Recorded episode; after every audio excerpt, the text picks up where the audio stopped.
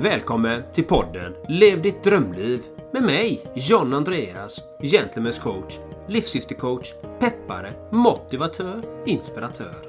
Och med mig, Erik Olsson, hälso och äventyrscoach vid Two Strong Arms. Upptäck din urkraft. Poddens syfte är att motivera och inspirera dig till att våga ta de avgörande stegen för att uppnå just ditt drömliv. Vi lyfter livsfrågor, optimal hälsa och äkta rörelseglädje. Vi spelar in vår podcast på kontorshotellet Entreprenörsgatan i centrala Göteborg. Ja, då var vi här igen då Erik på Entreprenörsgatan Coworking Space, Kungsgatan 4, ännu en gång. Ännu en gång är vi här på Entreprenörsgatan och idag har vi faktiskt en, ett väldigt spännande avsnitt och vi har en väldigt spännande gäst som jag faktiskt träffade för första gången det, måste, ja, det var ju inte denna sommaren utan det var ju sommaren innan. Så man blir ju förskräckt när tiden går sådär. Men eh, för en tid sedan och eh, han deltog på den föreläsningen som jag hade inom Primal och Paleo, liksom en sån här funktionsmedicinsk grund som jag hade här just faktiskt på E-gatan. Så idag har vi nöjet och den stora äran att presentera Jonas Bergqvist. Ba bam. Så Jonas, vi vill gärna höra lite om dig. Vem är Jonas Bergqvist och vad har du för bakgrund och var kommer du ifrån och vad, vad gör du för någonting? Så berätta gärna lite om dig själv. Ja, vad gör jag egentligen? Man får ju ibland tänka till. Eh, vad är det man eh, sysslar med om dagarna? Och det är inte likadant idag som det var för fem år sedan, men eh, jag är utbildad eh, ekonom från början som sadlade om helt och hållet till eh, hälsa och eh, medicin, läste in sjukgymnastprogrammet, började jobba som sjukgymnast och personlig tränare och rörde mig mycket i träningsvärlden. Och sen gled jag över mer och mer mot eh, kost och livsstil och, och helheten. Eh, älskar att eh, utbilda och föreläsa. Så jag startade en skola 2007. Eh, genomgått ett antal eh, namnbyten och olika inriktningar men eh, tror att det var 2015 som vi döpte om oss till eh, Paleo Institute.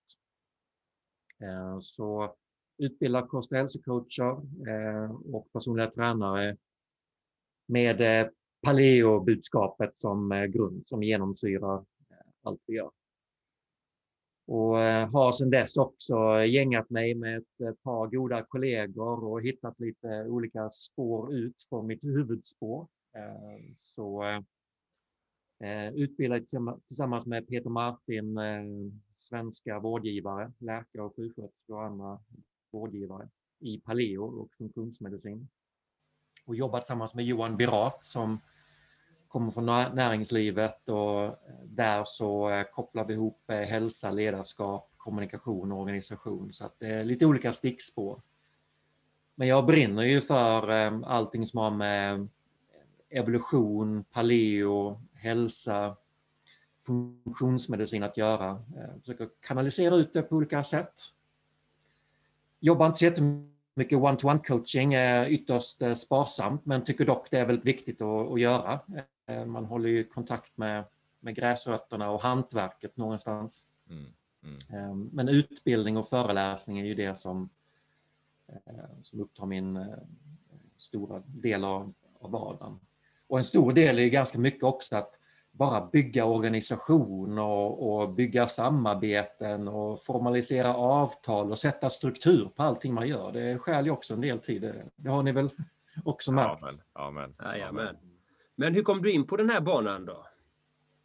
Ja, från början var det att eh, jag har aldrig haft någon ohälsa själv. Det är ganska många inom hälsobranschen som, som har lärt sig genom att man själv har haft någon form av ohälsa och tvingats läsa på och söka egna lösningar. Och så. Men jag har aldrig haft det, utan jag har ju bara varit eh, genuint intresserad av eh, människan och, och eh, var vi kommer ifrån eh, från ett intellektuellt håll helt enkelt, att läsa på människans evolution. Jag var väldigt intresserad av det området. Hej, jag Ryan Reynolds. Recently, I asked Mint Mobiles legal team if big wireless companies are allowed to raise prices due to inflation. They said yes. And then when I asked if raising prices technically violates those onerous two-year contracts, they said, what the f*** are you talking about, you insane Hollywood ass?" So to recap, we're cutting the price of Mint Unlimited from $30 a month to just $15 a month. Give it a try at mintmobile.com slash switch. $45 upfront for three months plus taxes and fees. Promo rate for new customers for limited time. Unlimited more than 40 gigabytes per month. Slows. Full terms at mintmobile.com.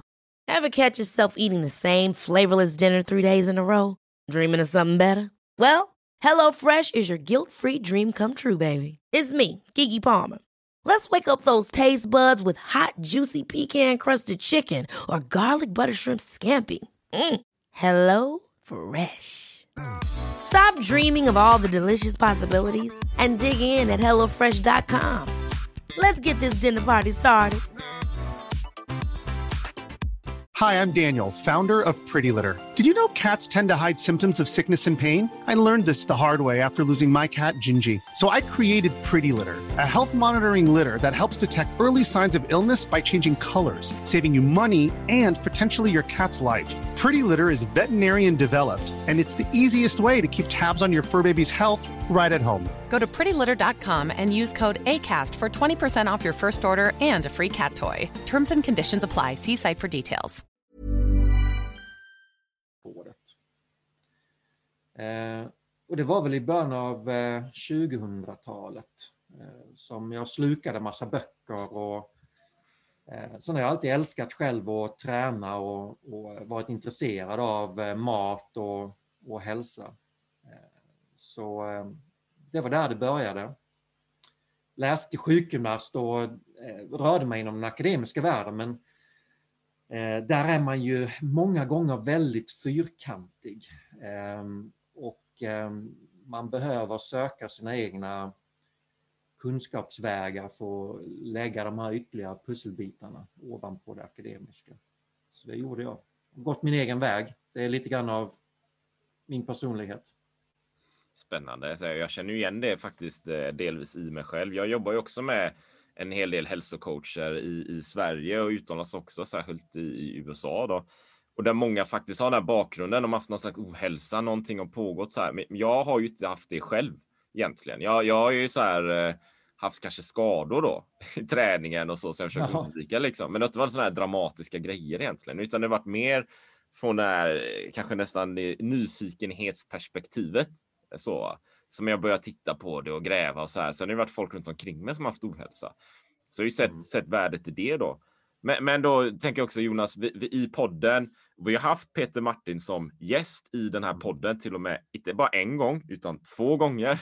Så, och det har ju varit med ett av de allra mest populära avsnitt också, våra mest populära deltagare.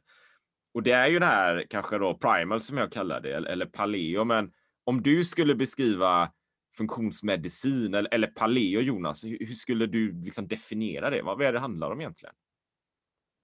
Jag brukar se det som två steg. att eh, Funktionsmedicin är ju det är både en arbetsmetodik eh, för alla som coachar andra, men det är också ett kunskapsområde som handlar om att söka de underliggande orsakerna bakom kronisk ohälsa. Att inte bara symptomdämpa och, och lyfta, fram, eh, utan att lyfta fram livsstilen, sund livsstil som en behandlingsmetod vid olika sjukdomar. Och den är ju enormt potentiell. Eh, så det är, ju, eh, det är ju det, men sen så kan man ju i funktionsmedicinen eh, ha lite olika ingångar när det gäller kosthållning och så här. Man behöver inte alltid ha ett paleoperspektiv. Men både Peter och jag, vi tycker ju det är otroligt viktigt att ha det här revolutionära synsättet. Så vi bygger ju grunden på paleotänket och sen så kommer funktionsmedicinen ovanpå. Men så ser det inte alltid ut. Åker man på de här funktionsmedicinska konferenserna i USA, då har de inte alltid paleo-perspektivet, utan då är det väldigt mycket vegetariskt och, och ibland vegansk infallsvinkel till det här med funktionsmedicin. Så det är, man kommer från lite olika håll, Mm. men både Peter och jag, vi tycker att det som, det som verkligen leder till resultat, det är när man börjar med paleo och lägger funktionsmedicin ovanpå. Mm. Mm. Det, det, det är kraftfullt. Och vad har du märkt för resultat själv då? Eh, jag har ju märkt, eh, ja, även om jag inte kommer från en ohälsa och så, där, så eh, man kan ju alltid eh, optimera sig och hitta nya nivåer av eh, hälsa. Eh, och det är ju det som är skithäftigt. Det vet ju ni också. Mm. Det kan ju handla om att man, eh, man får en ännu lugnare mage, man får ännu mer energi i vardagen, eh, man har ett bättre fokus, man blir effektivare och eh, man blir ju sin bästa version av sig själv och det är då man kan ge väldigt mycket utåt eh, till andra grejer. Så det är väl det jag har märkt själv. Ehm, och sen, ja, nej, har jag haft någon ohälsa? Ja, det, har ingen ohälsa? Jo, det har man väl haft när man tänker efter. eh, ja, men min svaga punkt kan ju vara ehm, eh, stress som hos många andra entreprenörer. Det är ju det som lägger lite grann locket på, eh, på optimal hälsa. Man har lite för mycket stress i perioder. Eh, det kan gå ut över sömnen ibland. Eh, min hud, hyn har varit eh, det som kan, eh, när jag stressat mycket eller glidit ur min livsstil lite då och då, så visar det sig i hyn hos mig. Jag kan känna det att jag blir torr, kan få lite utslag, ehm, blir lite så rödflammig. Så det är väl min svaga punkt. Alla har vi ju våra svaga punkter, utlopp när vi, när vi inte riktigt lyckas hålla det som vi, det som vi har lärt oss. Mm. Så ser livet ut. Det är, det är inte alltid raka spår fram. Nej, men det är jätteintressant just det. Just med stress och press. Liksom, och ja. att, att det är någonting som egentligen mer och mer har skapats av vår, vårt samhälle i den miljön vi lever i. Det var en annan stress på stenålderstiden än vad det är i dagsläget. Liksom. Ja. Och, och Det här är ju lite intressant. Jag tror det var, jag läste någonting om Dalai Lama. Liksom, han bara vad är depression och stress? Han hade aldrig hört talas om det innan han kom till västvärlden. Liksom. Han bara förklarar, jag förstår inte. Vad är, vad är, vad är stress? Vad är press? Och vad, vad är depression? Han hade aldrig hört talas om det, för de hade inte det där, för att de lever under andra förhållanden och på ett annat synsätt.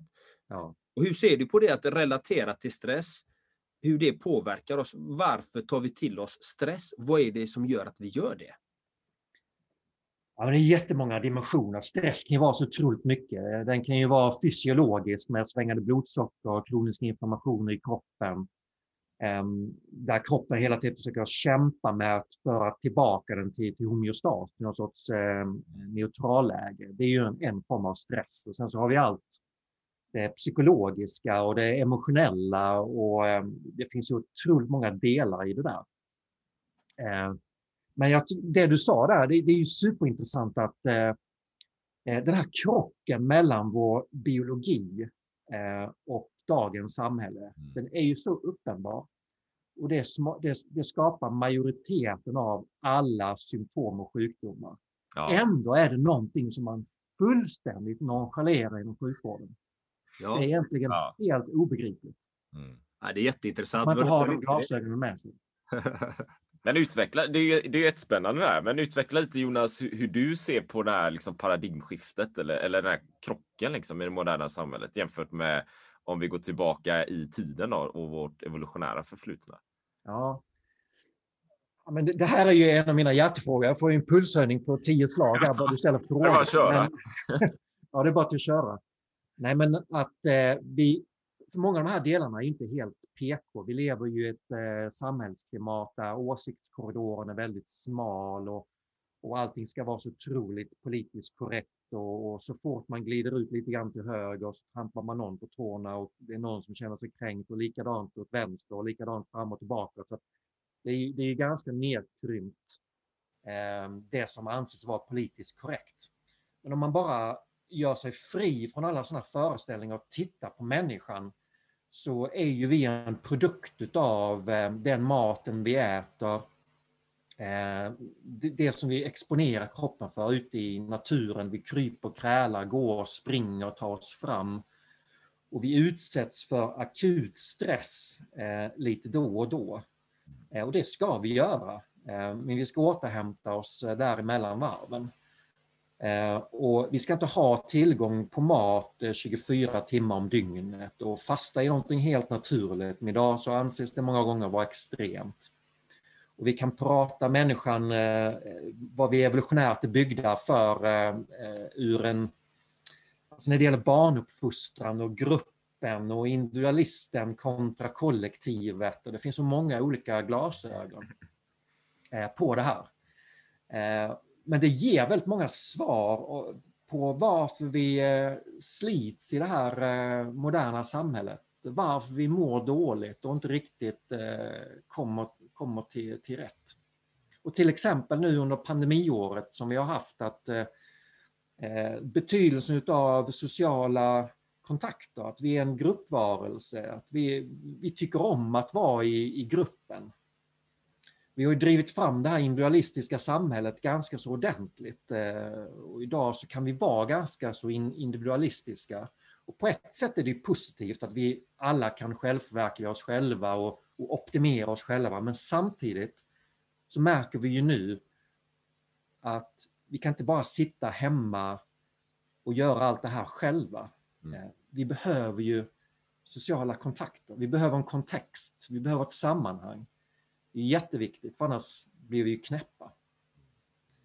Eh, så eh, ja, det, det är jättemånga delar av det. Så jag brukar ju säga så här att eh, vi mår ju fantastiskt bra när vi får utsätta våra vävnader för växlingar mellan olika tillstånd. Så det, det, skapar ju flexibilitet i våra vävnader. Att vi, vi utsätter kroppen för värme och kyla. Nu är det jättepopulärt med kallbad och vi utsätter kroppen för mat och fasta, vila, hård träning. Men mångas vardag är ju inne i mellanmjölken. Att ja. man, man ligger och lyfsar på i vardagen och, och bäddar in den i väldigt mycket bekvämlighet.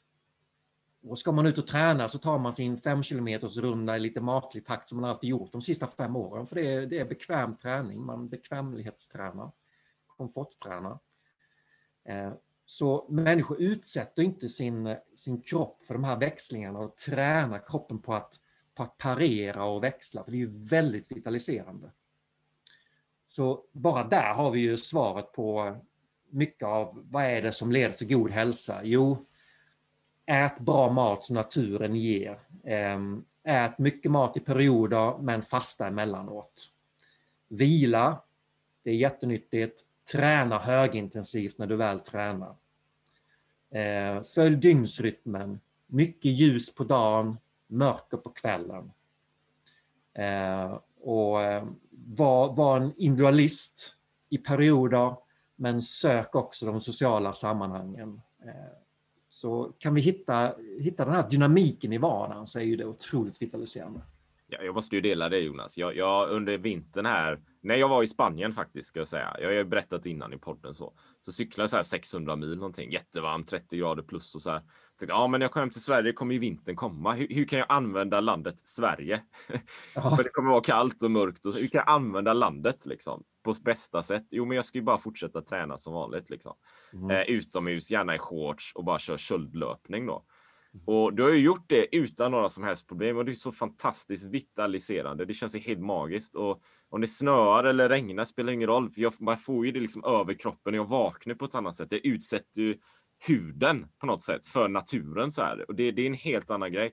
Mm. Det jag lärt mig då, det jag inte tänkte på innan var att när jag börjat göra det och ser andra människor som också är ute och tränar och de är påklädda och det är lager på lager-principen och det är mössa och vantar. Ja, men det är ju som om de var hemma inne soff på soffan liksom, fast de rör på sig. Det är ju samma miljö liksom. De är ju, det är fortfarande 20 grader varmt. De har kläder på sig så här. De använder ju inte landet. Nej. så, de säger så. så det blir jättekonstigt. Det är som att man är hemma och så går man ut i sin komfortzon så här. Är alltid i sin bubbla liksom. Man blir aldrig utsatt för någonting. Var det inte någon som sa don't ask what you can do for your country, ask what the country can do for you. exakt. Gammalt citat. Det är en annan nivå. en annan nivå, precis. Vad kan landet, vad kan miljön, den yttre miljön göra för dig just nu? Mm, det är jättebra. Ja. Men det är precis som på sommaren då när det är varmt och svettigt så här. Men jag gillar ju det med liksom. Det är ju den här extrema utsätta sig för de olika grejerna. För jag, jag är helt inne på den linjen där nu, Jonas. Ja. Och när vi pratar mat så är det just där har vi ju tappat säsongsvariationen. Mm. Mm. Det är inte, det, man kan ju tänka sig att om, om vi hade gått omkring på de här breddgraderna för, för 10 000 år sedan, eh, gå ut i naturen och försök hitta vegetabilisk mat att äta. Eh, om vi nu backar en månad tillbaka när det var väldigt kallt. Nej, det finns inte. Alltså un, under vinterhalvåret så är kroppen väldigt anpassad för animalisk mat och möjligen då lite mer vegetabilisk mat på sommaren när det finns mer grödor ute. Och den variationen och, och att äta efter säsong, det har vi tappat helt och hållet. För nu när vi går in i matbutiken så hittar vi ju det här berget av grönt och frukt som finns året runt. Mm. Ja, men det är mycket kunskap som har gått förlorad när det gäller just eh, kosthållning och eh, gamla seder och gamla sätt som de tog vara på maten för. För saltade de köttet till exempel. De, alltså de, de rökte det på ett annat sätt och konserverade grönsaker så att det blev eh, mycket bättre mat. Liksom syrlig, syrliga grönsaker och allt detta. Detta har vi nästan tappat idag, liksom, alla de här olika Verkligen. sätten. Mm. Och det är ju jätteviktigt att ha den kunskapen. Speciellt, vi pratade om preppning innan. Ja. För vi vet ju inte hur framtiden kommer se ut. Liksom. Och då, ju mer man kan att ta vara på sig själv i alla miljöer, alla situationer, ju mer multitaskad du är, ju många färdigheter då, desto bättre anpassad är du för att överleva i de rådande omständigheterna som kommer ske. Ja. ja, men visst är det så. Och eh, när det gäller kost så eh, det är mycket som har gått förlorat. Det är mycket bättre att köpa en bok i näringslära från 1920 än från 1970. Det är Eh, spännande. och receptböcker också. Jag har utdrag från receptböcker från 1920 där man gav råd till diabetiker. Ja, du ska äta fläsk och, och eh, kål och du får njuta av goda ostar, eh, men fullfeta varianter. Och, eh, och sen ändrades råden helt och hållet. Eh, men vi hittar ju mycket bättre kunskap i böckerna från 1920 när det gäller recept och näringslära än 1970. Nej, men, och det är ju det är titta på, folk dricker ju mjölk och grädde, lättgrädde. Ja. Jag kör ju alltid rent smör, ren grädde om jag ska använda någonting till exempel. Ha de ren, så rena produkter som möjligt. Bästa maten har ingen innehållsförteckning. Nej, exakt. Så tänk på det ni som lyssnar. Tänk på vad ni äter, vad ni stoppar i munnen och varför ni stoppar det i munnen. Ja, ja, det är viktigt. Jag har, jag har en... eh, Du kanske kan... Du kanske kan måla upp en bild Jonas, eventuellt, liksom, för lyssnaren här. Man, man, man lyssnar ju så på podden, tänker jag. Hur, om vi tänker oss de norra breddgraderna här i den här årstiden, vi är i februari, vi går tillbaka kanske 10 000 år. Hur tror du att det, hur tänker du dig att det kunde se ut så under en sån säsong, till exempel med kosten och rörelse och liknande? Ja, men eh, här uppe i Norden för 10 000 år sedan, då var det ju, eh, då, då, då smälte ju isen bort så att eh, då, då, då började vi ju komma eh, här uppe, på de riktigt kalla breddgraderna. Men vi, vi sökte oss ju upp i Europa och Norden eh, i takt med att isen smälte och då var det ju väldigt mycket animalisk eh, jakt, jakt på, på djur. Människan var ju storviltsjägare på, eh, i de europeiska skogarna där i, takt med att isen eh, drog sig undan. Eh, men sen så kom ju också eh, grödor allt eftersom och eh, men eh, både män och kvinnor, eh, vi har ju levt väldigt mycket utomhus. Vi hade olika rollfördelning i, i sökandet efter mat. Och där kan vi ju diskutera också om eh, män och kvinnor är anpassade för lite olika typer av mat. Eh, det kan nog både vara eh, arv och miljö. Eh, för vi, vi kan nog konstatera att eh, kvinnor som grupp har lite eh, annorlunda matpreferenser än vad män har som grupp. Det kan både vara eh, gener och miljö i det. Ehm, apropå ett område som, eh, som inte alltid är så jätte PK och, och så här när man pratar män och kvinnor. Eh, men det är ganska uppenbart. Eh, och, eh, men vi, det var ju så att vi alla hade ju ett, både män och kvinnor hade ett ansvar för att eh, samla in mat till gruppen. Och män var ju möjligen de som då jagade i större utsträckning och kvinnor eh, plockade vegetabilier och sen samlades man och eh, åt tillsammans och delade maten. Ehm, så det var ju väldigt, det var ju byggt på, på gruppen, på solidaritet med gruppen, matinsamling. Ehm, Men vi rörde oss ut i naturen och eh, högvaluta har ju alltid eh, djur varit. eh, Därför att det ger så mycket mer näring och eh, kalorier per arbetsinsats än att eh, plocka växter. Så eh, det har alltid varit eh, det mest eftersökta. eh, Oavsett vilken tidpunkt under människans evolution vi, vi tittar på. Och sen har vi då haft mer eller mindre tillgång på eh, grödor. Mm. Så givetvis är så är det många delar av djuret, inte bara muskelköttet som vi gör idag utan man tog tillvara på alla delar och man satt ju och knaprade brosk och ben och, och fick i sig den näringen som sitter där. Ehm, och ehm, riktigt det beteendet har vi ju inte idag när vi äter eh, animalisk mat. Nu äter vi muskelköttet, eh, filén. Mm.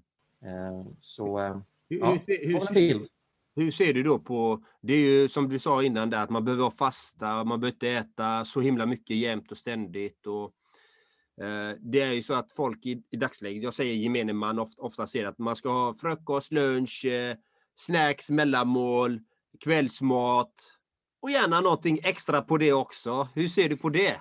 Ja, ja men det, nej det stämmer ju inte. Alltså att vi ska äta var tredje timme är ett ganska dumt råd. Eh, det är inte bara så att det är neutralt, utan det är till och med dumt. Eh, därför att eh, vi behöver tarmar som får vila från matintag. Vi har ju någonting ehm, som heter ett migrerande motorkomplex, Migrating Motor Complex, MMC brukar man förkorta det. Det är stora peristaltikvågor genom tarmen som sker eh, var tredje, fjärde timme någonting. Eh, och de eh, vågorna de sköljer igenom tarmen för att rensa rent och försvåra för olika bakterier, och virus och mikroorganismer att bosätta sig i tarmen. För att det är ju en väldigt gosig miljö, 37 grader varmt. Det är jättegott i vår mag-tarmkanal för många bakterier och virus. Mm. Och goda bakterier ska vi ha där. Men kroppen har ju ett antal system då för att försvåra för dåliga bakterier att eh, bosätta sig där. Bland annat då MMC. Men det här hämmas ju när vi äter. Så äter vi var tredje timme så slår man ju ut den här eh, mekanismen. Eh, så att det underlättar ju då eh, för dåliga bakterier och andra mikroorganismer att bosätta sig i vår mag-tarmkanal. Och det här är så utbrett. Det är så många i dagens samhälle som går och småäter och som har massa saker i sin mage och tarmkanal som man inte ska ha. Och det skapar ohälsa.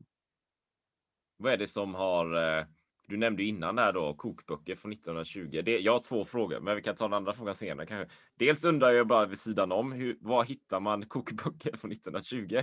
Det kanske du har tips om sen. Och sen undrar jag också så här, men vad är det som har hänt då? Från 1920 fram till idag? Varför har det blivit så upp och nervända världen allting? Ja, var hittar man kokböcker från 1920? Ja, ibland får jag saker och ting skickat till mig. Och, eh, det här var en bild som jag tror ehm, eh, jag fick från, eh, jag tror det var via kostdoktorn, Diet Doctor, ja.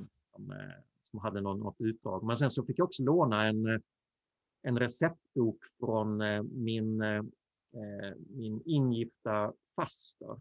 Ja, okay. Som som är från Tyskland och hon hade en tysk eh, bok i eh, näringslära och det var några recept också från 1920 på tyska. Nu är ju min mamma också från Tyskland så jag kan ju tillgodogöra mig det. Eh, och det var också samma, samma råd. Eh, jättebra, jättebra kokbok och, och jättebra näringslära. Så, eh, men det är inte lätt att hitta. Eh, jag fick ett skicka till mig och man kommer över det på lite olika sätt. Där. Det finns ja, vad är det som har hänt sen? Det finns ju antikvariat. Ja, precis. Det skulle man faktiskt kunna gå till och leta, leta gamla böcker. Mm. Kul. Um, ja, precis. Då, vad, vad är det som har hänt då? Liksom? För, för, vi har ju haft Peter Martin också på podden och vi har haft Bitten Jonsson i podden också. Och det är ju samma eh, tänk eller upplägg. Alltså någonting har ju gått knas här un, under den här eh, resan. Ja. Eh, såklart liksom. Men, men från 1920 till 20, 100 år, 100 års utveckling. Ja. Ja, men det är ett antal olika delar. Dels eh, eh, givetvis så har vi ju vår eh, industriella utveckling som har varit bra på alla möjliga sätt och vis. Men vi har ju också industrialiserat allt från matproduktion heter och, eh, och det har ju fått med sig då att vi, vi processar majoriteten av mat idag Eh, och för att göra det storskaligt. Ehm, det finns ju fördelar med det, men eh, det kommer också med en prislapp som eh, vi många gånger blundar, blundar för. Sen har vi haft en läkemedelsindustri, den medicinska utvecklingen och där brukar jag ju peka på att ett stort misstag under 1900-talet det är ju att man inom den akademiska världen har, har särskilt eh, Eh, biologi från medicin. Medicin har, har varit ett område som, eh, som har varit tekniskt, eh, industriellt, läkemedelsorienterat, väldigt naturvetenskapligt och den biologiska delen av det hela, det har man ju inte tagit med i den resan överhuvudtaget. Så tittar man på olika program idag inom den akademiska världen så eh, biologi är ju, eh, det är ju på en institution och medicin på en annan institution. Det blandas ju inte och där, därför har vi tappat kopplingen mellan människan som biologisk varelse och det medicinska. Millions of people have lost weight with personalized plans from Noom. Like Evan, who can't stand salads and still lost 50 pounds. Salads generally for most people are the easy button, right? For me, that wasn't an option. I never really was a salad guy. That's just not who I am. But Noom worked for me. Get your personalized plan today at Noom.com. Real Noom user compensated to provide their story. In four weeks, the typical Noom user can expect to lose one to two pounds per week. Individual results may vary. Ever catch yourself eating the same flavorless dinner three days in a row? Dreaming of something better? Well, HelloFresh is your guilt-free dream come true, baby. It's me, Gigi Palmer. Let's wake up those taste buds with hot, juicy pecan-crusted chicken or garlic butter shrimp scampi. Mm. Hello Fresh. Stop dreaming of all the delicious possibilities and dig in at HelloFresh.com. Let's get this dinner party started.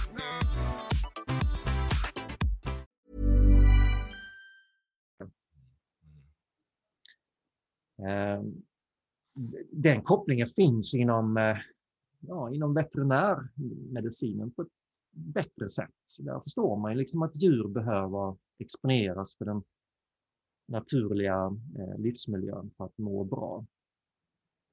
Men det är väl vårt eh, intellekt, nu kommer vi in på filosofi här, men det är ju superintressant, men det är väl vårt intellekt, våra högre kognitiva funktioner som är vår största tillgång, men det är väl vår största fiende också, att vi ska intellektualisera allting och och därför har ju evolutionsbiologi som handlar om ganska så grundläggande primitiva saker, det har inte varit intellektuellt nog. Det har inte värderats tillräckligt högt. Och sen så passar det inte heller riktigt in i den vetenskapliga modellen som vi har tagit fram eh, som är designad för att utvärdera effekten av ett sockerpiller mot ett eh, läkemedel. Det, det, den modellen är inte designad för att utvärdera olika delar av vår livsstil på samma sätt. Mm, mm. det är väl det som har hänt under 1900-talet. Ehm, ja, kan ni komma på något mer som har hänt? Det finns säkert många dimensioner på det. Men... Det finns nog jättemycket, men, men det är ju också så att det finns ju stora nationella bolag som faktiskt mm. eh, är ganska marknadskraftiga med snabbmat och allt detta. Och socker, godis, eh, transfetter, uh, you name it. Det finns hur mycket som helst som trycker på med all reklam och till och med gratisreklam, gratisprodukter för, för att få fast människor i de här olika produkterna. Ja. Om vi ska vara ärliga, liksom, ja. så är det ju mycket så. Ja, visst. Och då leder, leder det fram till frågan, vem är det som styr världen egentligen? ja, det kanske inte är föremålet i den här podden. Jo, absolut. Det tycker jag är jätteintressant. Vem är det som styr världen? Alltså, det är egentligen varje enskild individ att faktiskt ta vara på sina val och handlingar. Att faktiskt vara medveten om vilka val vi själva väljer. Att titta på det. Varför tar jag den här, chips, varför tar jag den här chipspåsen? Eller kan jag ta den här goa eh, svensk, svenska äpplet? Från mammas trädgård till ja. exempel. Alltså de här valen är ju så viktiga. Hur, för vi röstar ju varje dag i alla avseenden. Mm. Men det är väl också det, det är som om man, om man går in på eh, Ica eller Willys eller någonting. Liksom. Det är hyllmeter med godis och choklad och sånt. Och å ena sidan är det ju det är mitt ansvar att liksom hålla min hälsa och vi körde ett poddavsnitt här också eh, innan om hälsa eller om ansvar eh, och meningsfullhet. Då. Men om jag går igenom de här metrarna, genom förbi de, allt det här godiset, så är det mitt ansvar att hålla min hälsa så här. Men det är också triggers hela tiden. Liksom. Jag vill ju ha det här godiset. Jag, jag får ju en addiction här. Jag vill ju ha någonting hela tiden. Så det är jättesvårt. Ja. Å ena sidan är det ju det personliga ansvaret, å andra sidan blir vi påtryckta i det hela tiden. Reklam eller Facebook, social media och man ska hålla på överallt. Det är ju ja. de aspekterna tänker jag.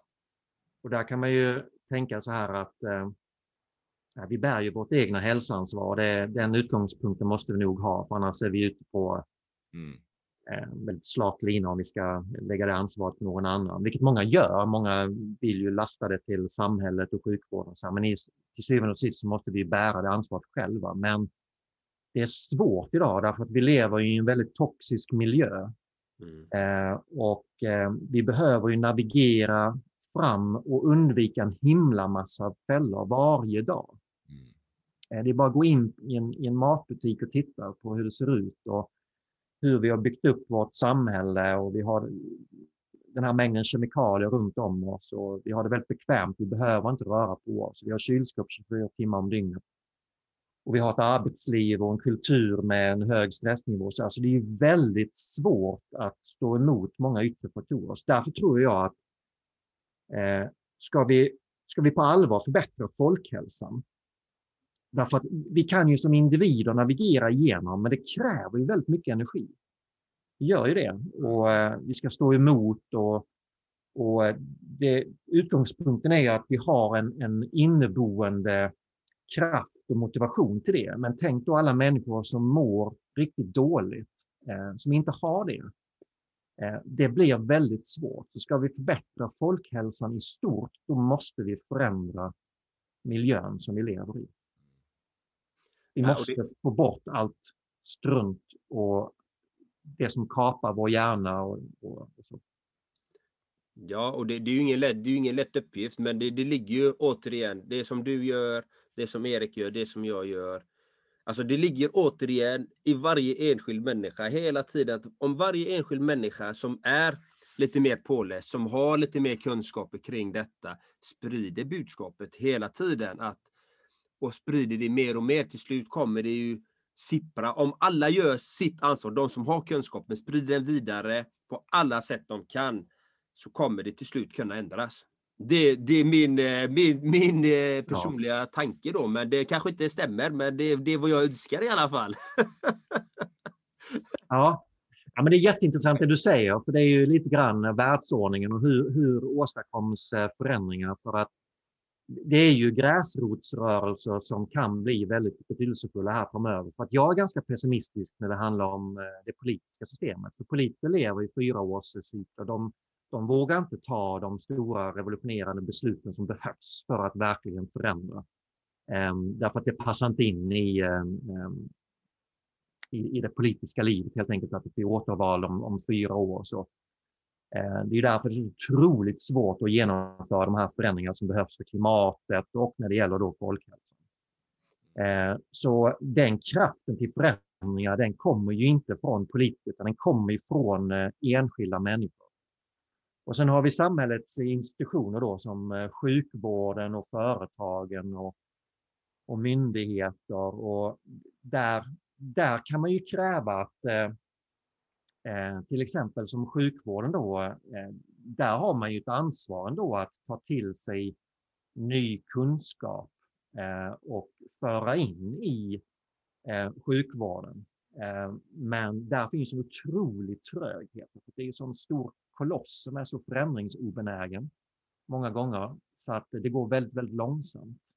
Hur, eh, för, för, det, för jag håller ju med dig i stora drag där, liksom, att det är gräsrotsnivå. Men jag tänker också som företagsvärlden, liksom, Paleo Institute till exempel, mm. eller, eller Gentlemen's coach eller Two Strong Arms. Det, det är ju, som jag ser på en, en, en entreprenörskap så är det ju någon som vill göra en förändring till det positiva, givetvis då värdegrund och liknande.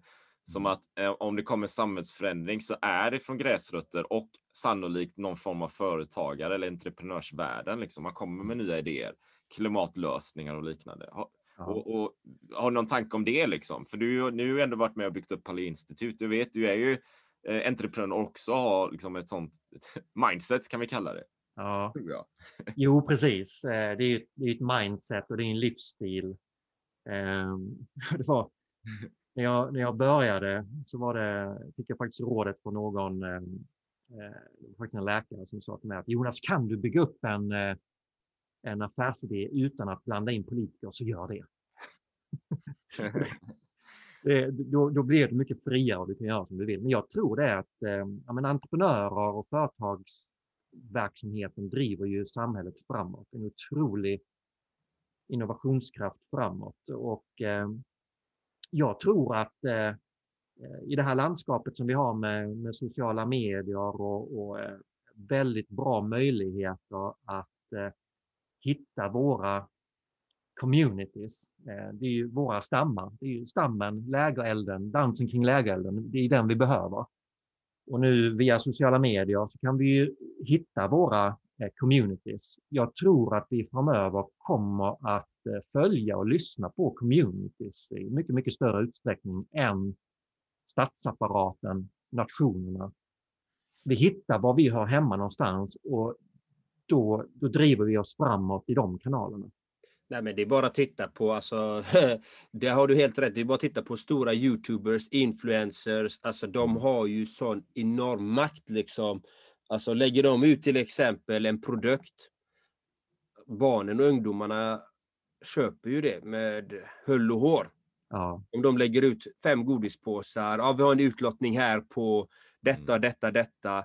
Alltså, det, det- är så tragiskt att se. Jag ser ju detta liksom. Och, eh, I sociala medier. Jag är ganska aktiv i sociala medier så jag, jag har ju ganska, fått ganska mycket kännedom om en viss del av det. Jag har fortfarande mycket kvar att lära men man ser väldigt mycket och det är en väldigt stor kraft att påverka samhället genom sociala medier. Det är bara att titta på Donald Trump. Han använde sociala medier när han vann valet. Eh, och olika sätt, på olika sätt och vis. Så att sociala medier är en otroligt kraftfull plattform. mm, Och det är som du säger, jag tror att communities eller starka enskilda individer kan påverka väldigt mycket. ja. ja men nu har vi ju en eh, diskussion också om eh, det politiska eh, gentemot de här sociala techjättarna och hur, hur vi ska organisera och, och reglera det här. Och det är en jätteviktig debatt vi har framför oss.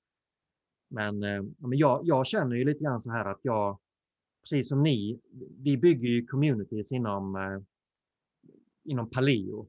Det sättet att se på kost och hälsa och, och individen och kollektivet och allt vad, vad paleo kan stå för. Och vi, vi samlar ju skaror som följer oss, som tror på det som vi gör och vi bildar ju vår community och brinner ju för det.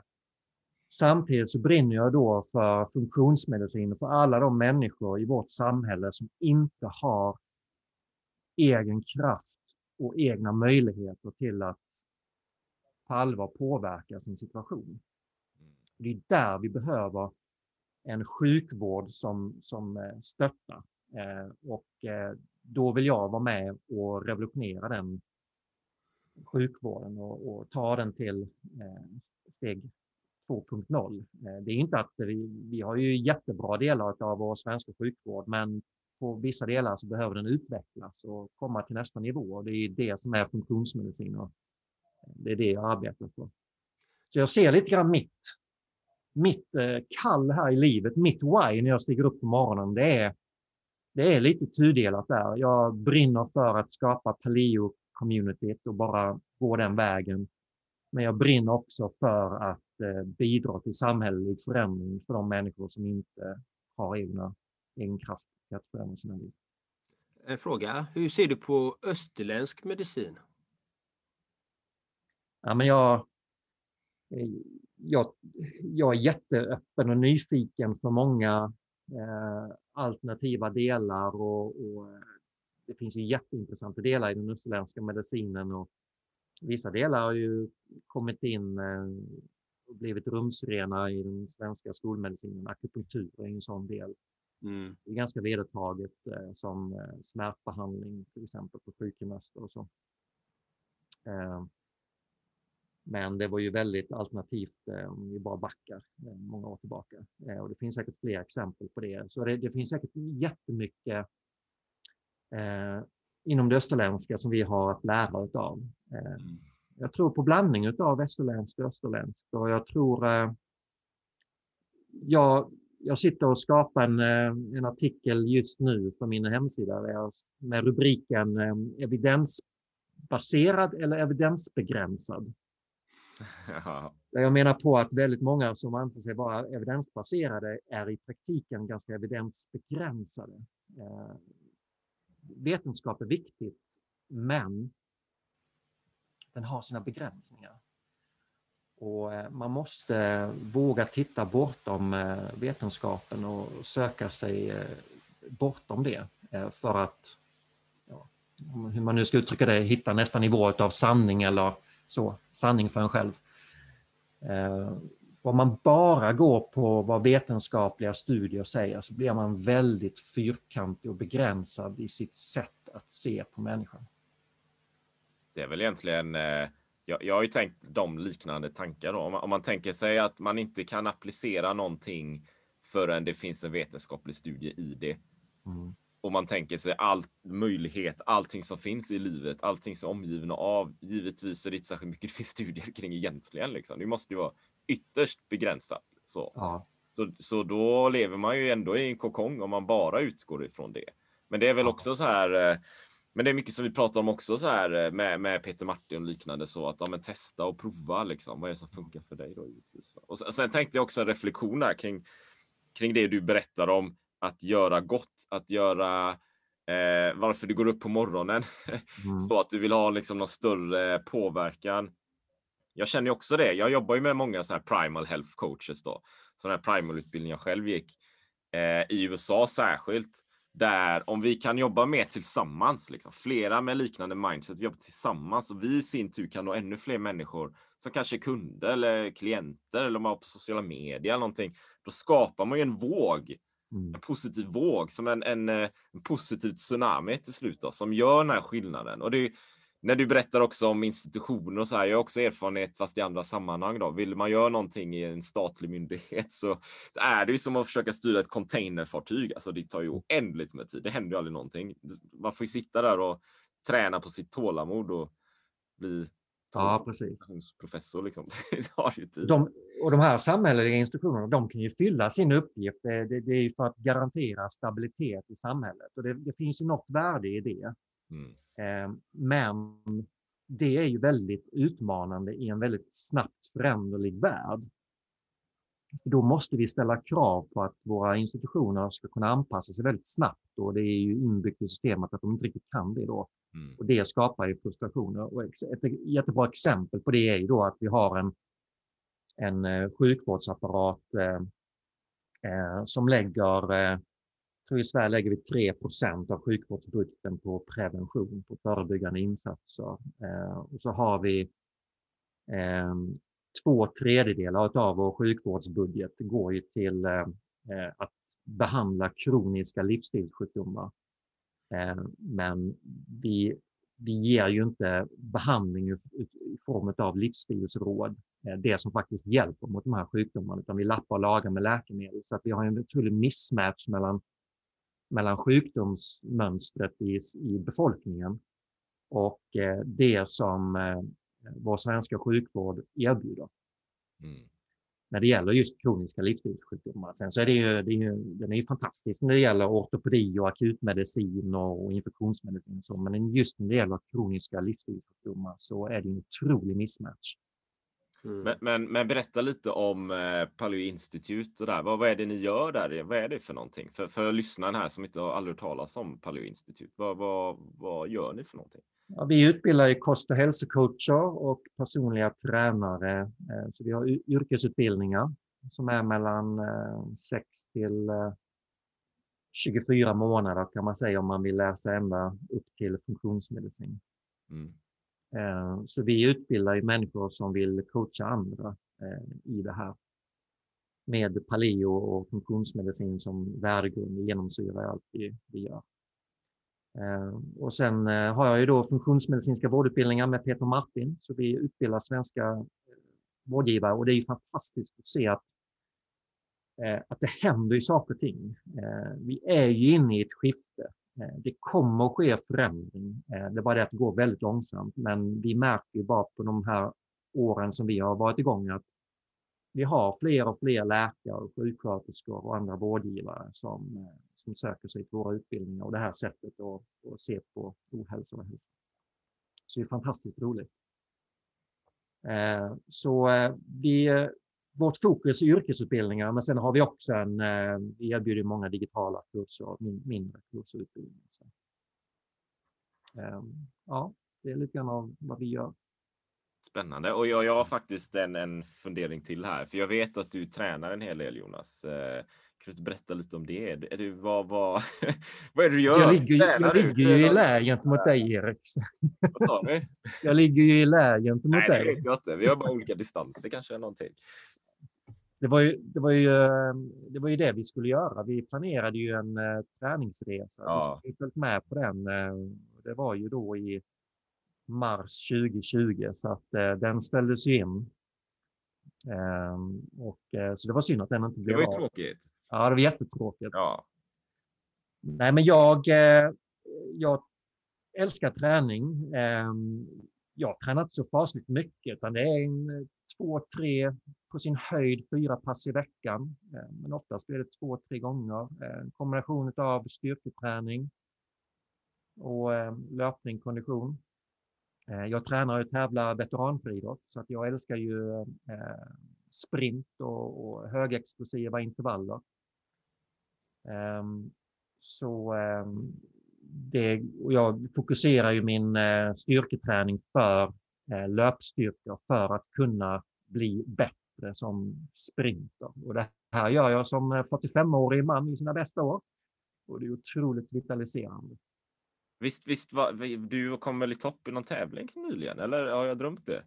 Nej, eh, för ett år sedan så, ehm, det var ju februari 2020, då var det ju veteran-SM i Malmö och då hade jag ju, jag fick ju en eh, bronsplats på ehm, 400 meter. Och så, eh, sen hade jag silvermedalj på 200 meter i en kvart innan jag i högtalarna hörde att jag blev diskad för att jag hade tydligen sprungit på linjen i kurvan. Jaha, oj då. ja, så jag fick aldrig den här silvermedaljen. Eh, men en brons... Jag, jag, har några, jag har några medaljer från eh, tävlingar bakåt i tiden. Ja, ja. Nej, men roligt. Nej, men vi får hoppas att det blir något mer framöver då, med långdistans och allt vad det kan vara. Det vore jätteroligt såklart. Ja, precis. Eh, när du skulle varit med på vår resa. Ja. Men det, det kommer ju. Så att, eh, det, men vi hade ju tänkt erbjuda den veckan eh, med, med dig och eh, med mig. Du skulle få ta hand om långdistansen och jag ja. ta hand om kortdistansen och det hade ju varit en superkombination. Ja, eller hur? Vad kul. Verkligen häftigt. Det är ju, det är ju vandringen och så är det jakten och flykten. Det är ju Paleo. Ja, ja visst. Det är hela, hela grejen va? Mm. Hur, hur, en, annan, en annan fråga. Hur tränar du det mentala då?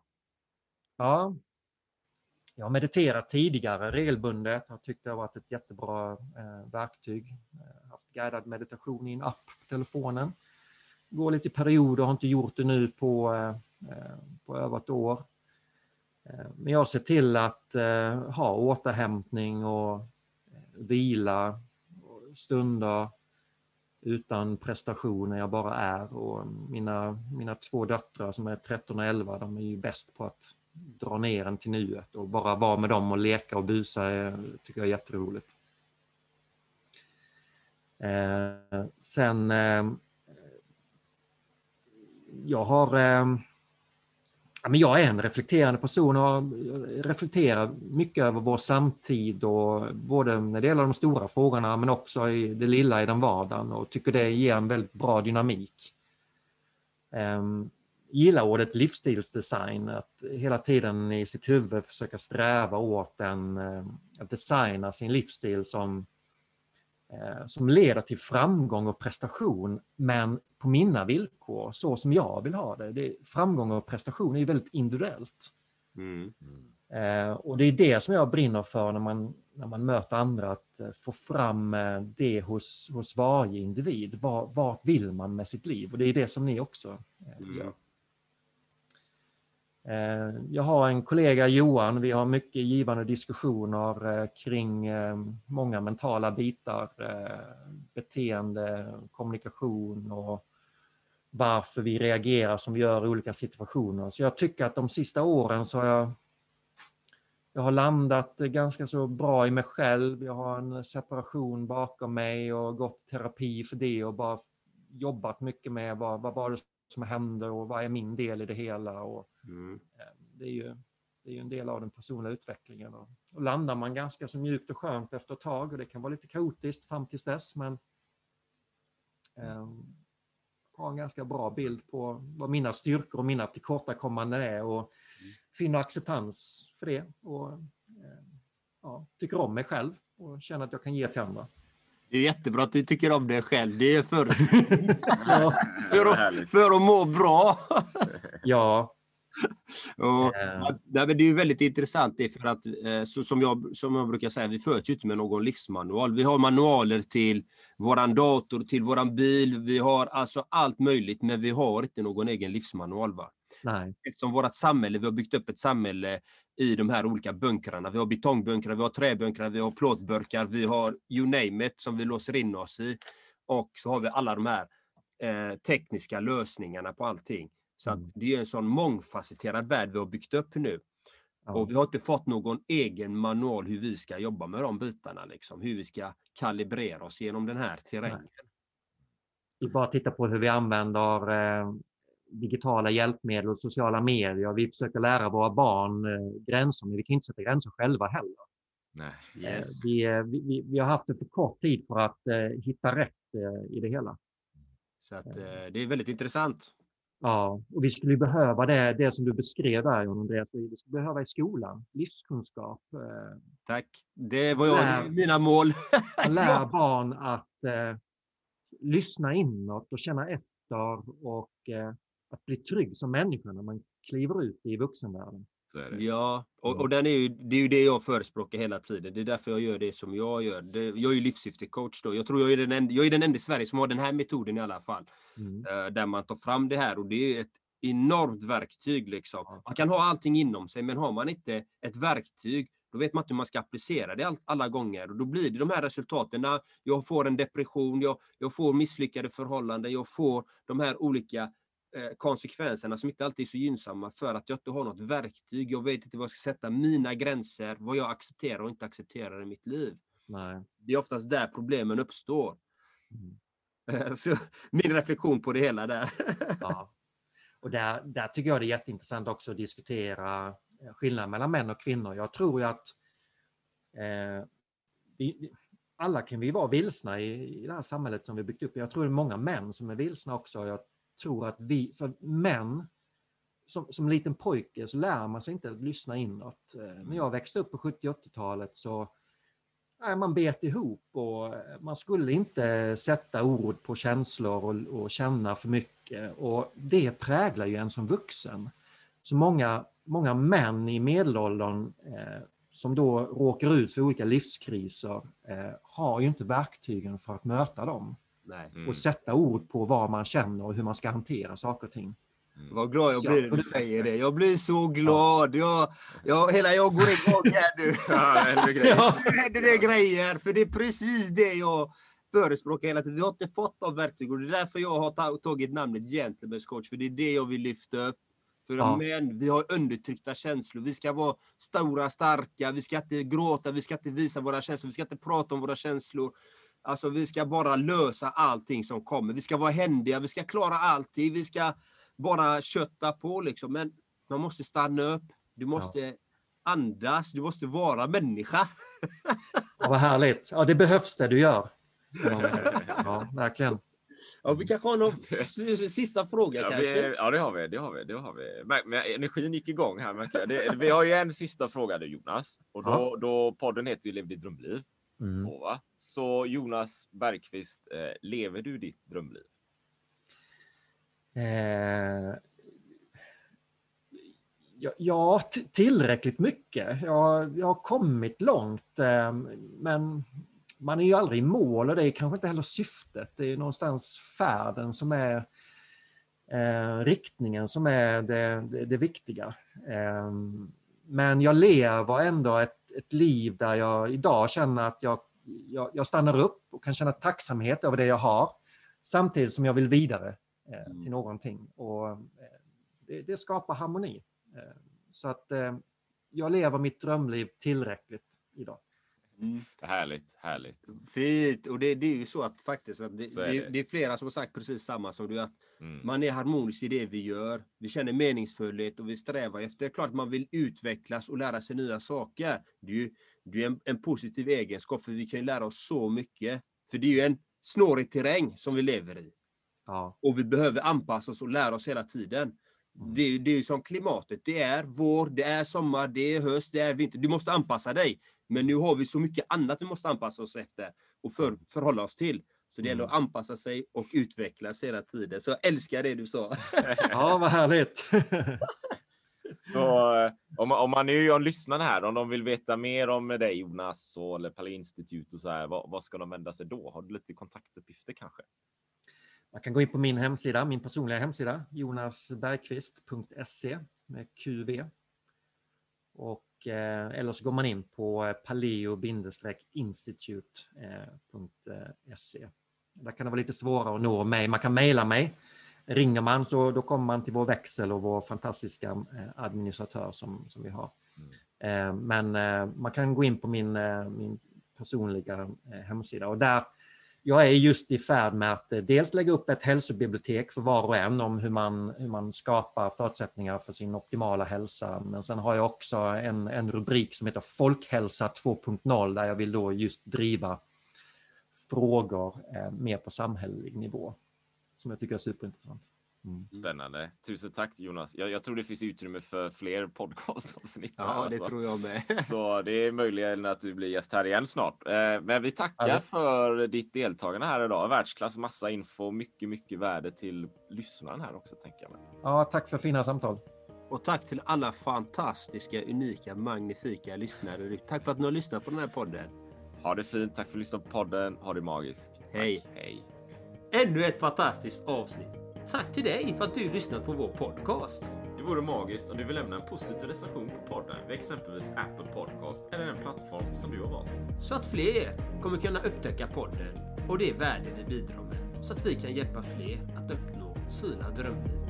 Tack från oss. Ha en magisk dag.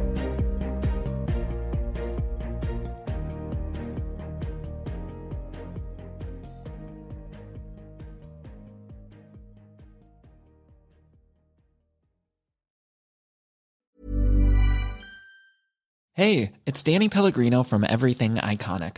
Ready to upgrade your style game without blowing your budget? Check out Quince. They've got all the good stuff shirts and polos, activewear, and fine leather goods, all at 50 to 80% less than other high end brands. And the best part? They're all about safe, ethical, and responsible manufacturing. Get that luxury vibe without the luxury price tag. Hit up quince.com slash upgrade for free shipping and 365 day returns on your next order. That's quince.com slash upgrade. Ever catch yourself eating the same flavorless dinner three days in a row? Dreaming of something better? Well, hello fresh is your guilt free dream come true, baby. It's me, Gigi Palmer. Let's wake up those taste buds with hot, juicy pecan crusted chicken or garlic butter shrimp scampi. Mm. Hello Fresh.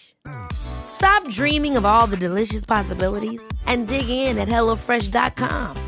Let's get this dinner party started.